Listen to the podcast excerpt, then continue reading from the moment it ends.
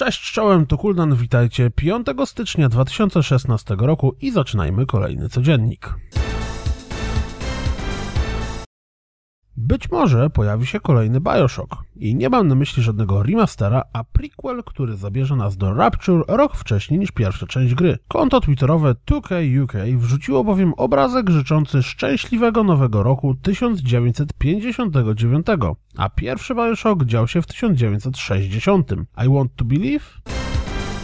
Tajne źródła kotaków wskazują na to, że najbliższa gra z asasynami i templariuszami pojawi się dopiero w 2017 roku i będzie dziać się w Egipcie, a w tym roku doczekamy się drugiej części Watch Dogs dziejącej się dla odmiany w San Francisco. Niestety nie musieliśmy długo czekać na pierwsze obsuwy premier na 2017. Na blogu Platinum Games pojawiła się notka informująca, że Scalebound pojawi się dopiero w przyszłym roku. Smuteczek.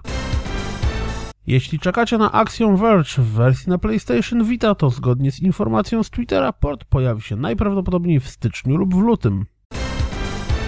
W najbliższą środę, to jest 6 stycznia o godzinie 17 ruszy sprzedaż przedpremierowa komercyjnej wersji Oculus Rifta. Kto z Was kupuje?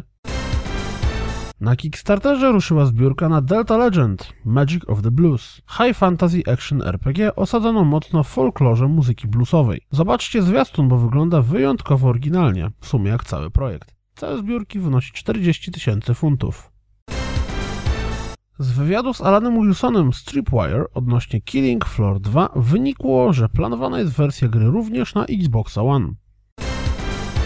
Wszyscy, którzy tak jak ja czekają na The Banner Saga 2, powinni sprawdzić wywiad z Johnem Watsonem ze Stoic, którego udzielił Game Reactorowi. To wszystko na dziś, jak zawsze zapraszam na www.rozgrywkapodcast.pl i mam nadzieję słyszymy się jutro. Cześć!